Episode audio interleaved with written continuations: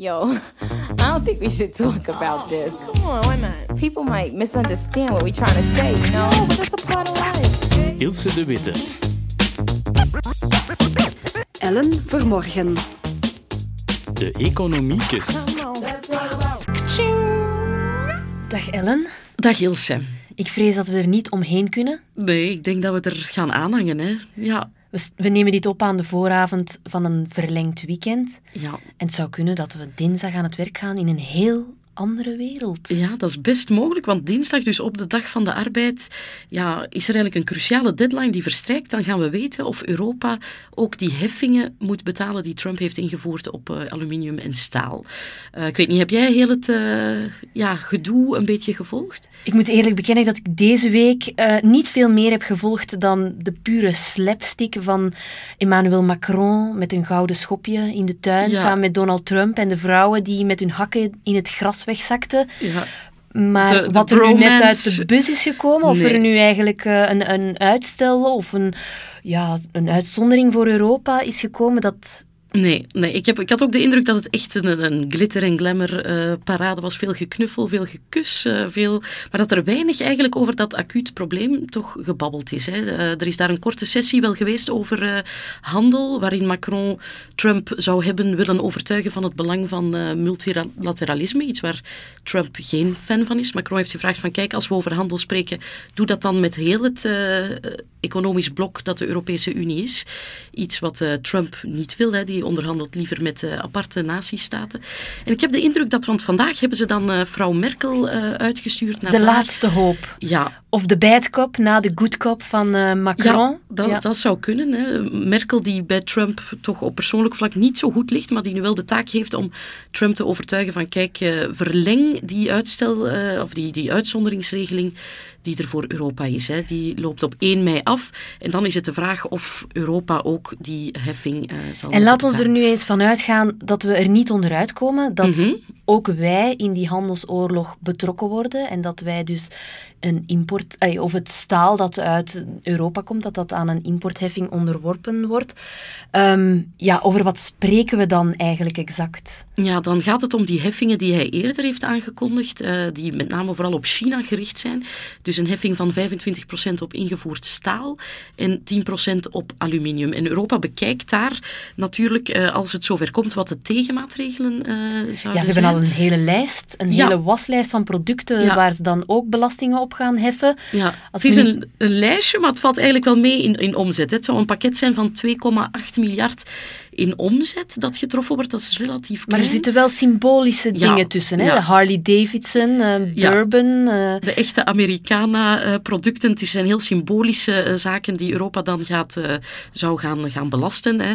Eh, inderdaad, ja, Harley-Davidson motors, eh, ja, eh, Sinaasappelen. sinaasappelen enzovoort, eh, dat zou daarin zitten. Eh, maar ik vraag me nu eigenlijk af, ja, stel dat het zover komt, eh, ja, ons land, hè, eh, hoe, hoe gaan wij daar, gaan wij dat voelen? Gaan wij daar ook... Wel, naar verluid gaat 2% van de Belgische staalproductie naar de Verenigde Staten. Dat lijkt nog relatief Mhm. behapbaar.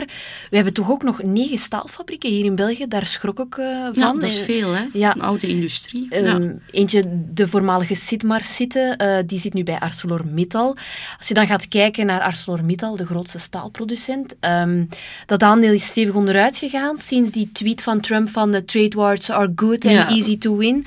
Ehm, en we hebben dat gezien dat dat toch meer dan 10% onderuit is gegaan. Ook Aperam, een Mhm. aandeel dat in de Bel 20 zit, niet echt een Belgisch aandeel, maar producent van roestvrij staal, die is ook eh, even hard onderuit gegaan. Een klein beetje hersteld de voorbije tijd.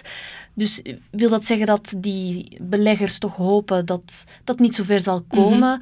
Of wil dat zeggen dat ze eigenlijk ook bekeken hebben dat het allemaal nog wel zal meevallen? Want bijvoorbeeld voor een ArcelorMittal, het is niet alleen een verliesverhaal.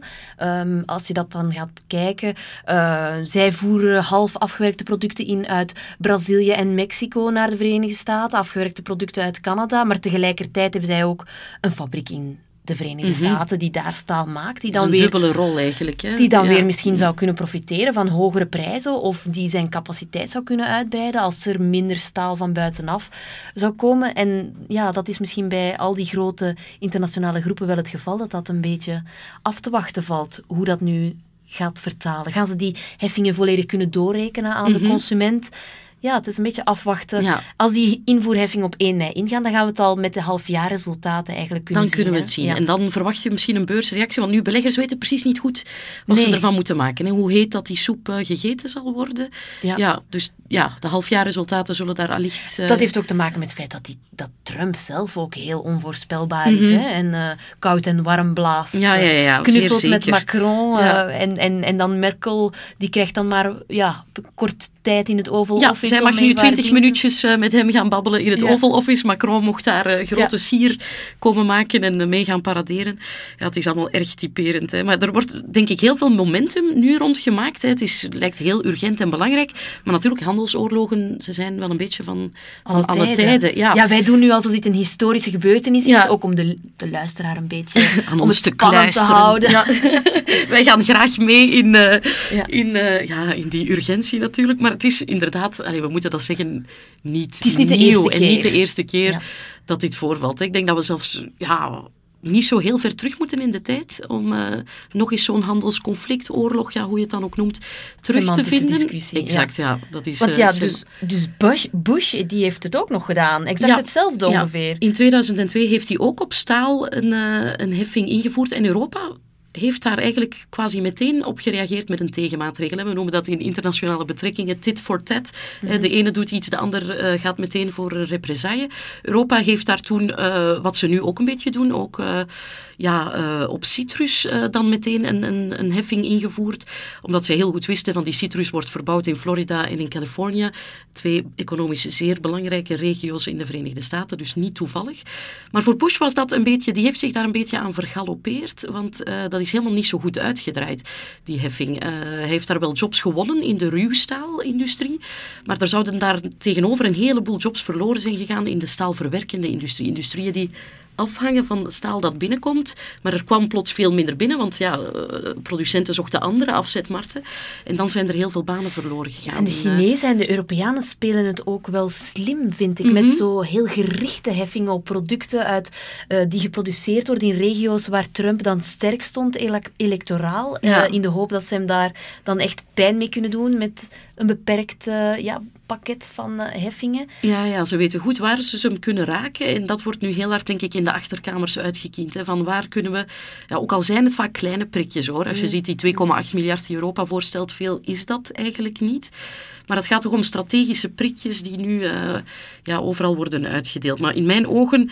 Ja, lijkt dat, dat dat er alleen maar verliezers Ja. kunnen zijn. Ik weet niet... Dus eh, in 2002 hebben we eigenlijk de theorie van de comparatieve voordelen in Ja. de praktijk getoetst gezien. Hoe zat dat nu weer? Dat zit ver in mijn academische... maar hoe... Ja, Dat is een van de weinige dingen die ik eigenlijk onthouden heb uit mijn studies. Eh, dus dat was David Ricardo die die theorie ehm, geformuleerd heeft als eerste in de 18e eeuw.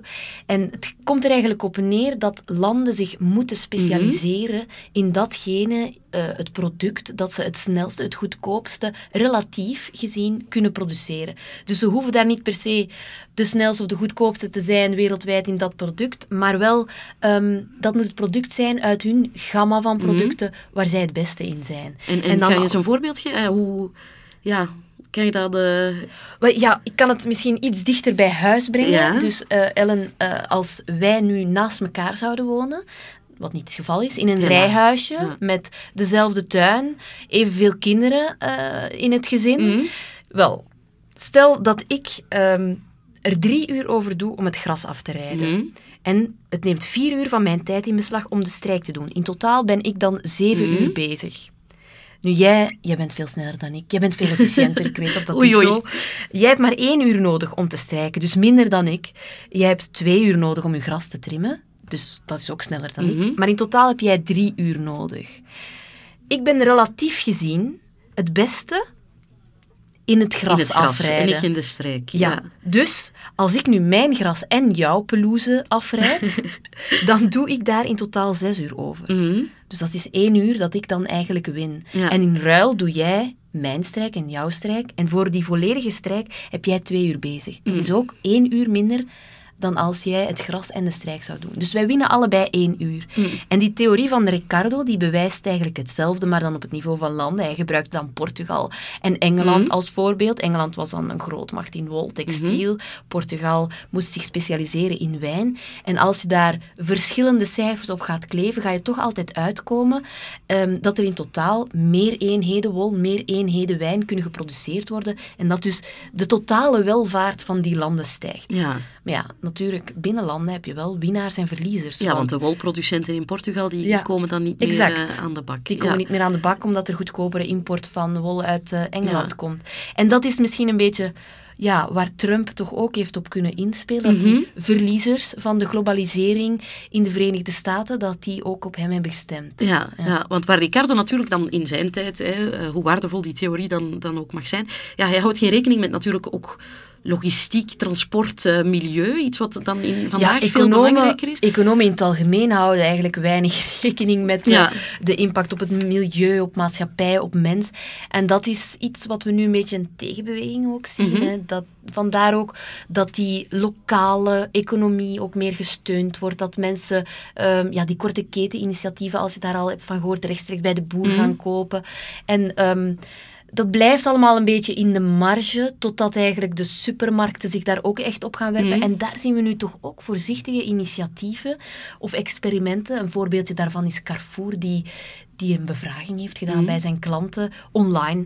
Ehm, waarom zouden jullie meer willen betalen voor melk? Voor welke criteria willen jullie meer betalen? Als die koeien ehm, vier maanden buiten mogen grazen, willen jullie daar dan een paar centen eh, En extra wat voor was eh, betalen? de respons? Ja, dus er zijn uiteindelijk denk ik iets meer dan 5000 mensen die, die inderdaad eh, daarop gereageerd hebben. En het resultaat is dat er een bus melk in het schap staat bij Carrefour die iets duurder is en die van Belgische boeren komen, Ja. die ehm, inderdaad waarvan de koeien buiten kunnen grazen en ehm, waar er een vaste prijs voor gehanteerd wordt, wat eh, voor de boeren, voor de melkveehouders toch wel eh, ja, belangrijk is. Ja, maar zo zie je dus eigenlijk dat heel dat, die protectionistische, die hang naar protectionisme eigenlijk ja, door een heel brede bevolkingsgroep Zowel gedragen wordt. links hè. als rechts, Ja, want ja. rechts kan je zeggen, ja, vanuit een Trumpiaans eh, visie van kijk, we willen ons niet laten rollen eh, door andere landen. Ja. Hè. Dan, eh, hij zegt dan China, zij stelen alles van ons eh, en we hebben een gigantisch, gigantisch handelstekort.